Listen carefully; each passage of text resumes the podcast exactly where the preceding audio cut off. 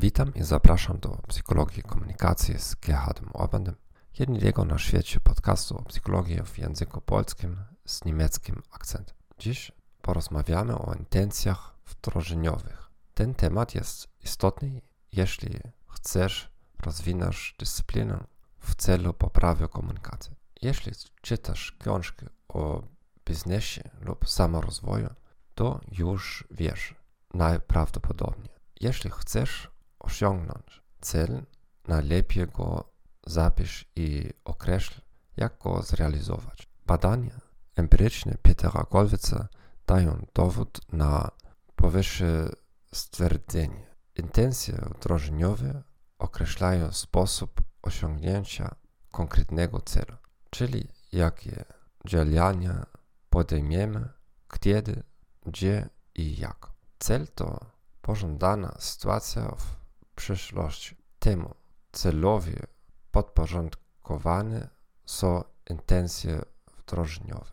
Pozwolę sobie zacytować eksperyment Golwicera i Brandstedt. Przed przerwą świąteczną poproszono uczestników o napisanie relacji z spędzonej wigilii. Raport ten miał zostać napisany nie później niż 48 godzin po zdarzeniu, a następnie wysłany do organizatorów eksperymentu, którzy podobno badali, jak ludzie spędzają obecnie wakacje. Połowa uczestników została poinstruowana, aby sformułować intencje wdrożeniowe.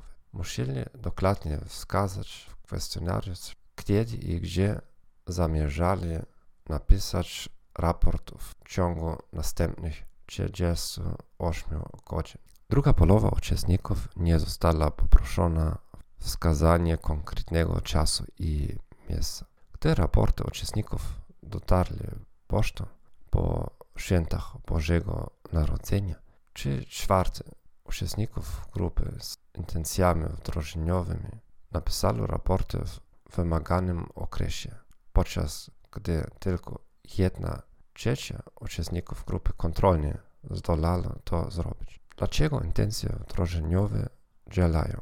Pozwalają nam zautomatyzować zachowanie zorientowane na cel. Trudniej jest podejmować decyzję w chwili, niż z wyprzedzeniem planować swoje reakcje.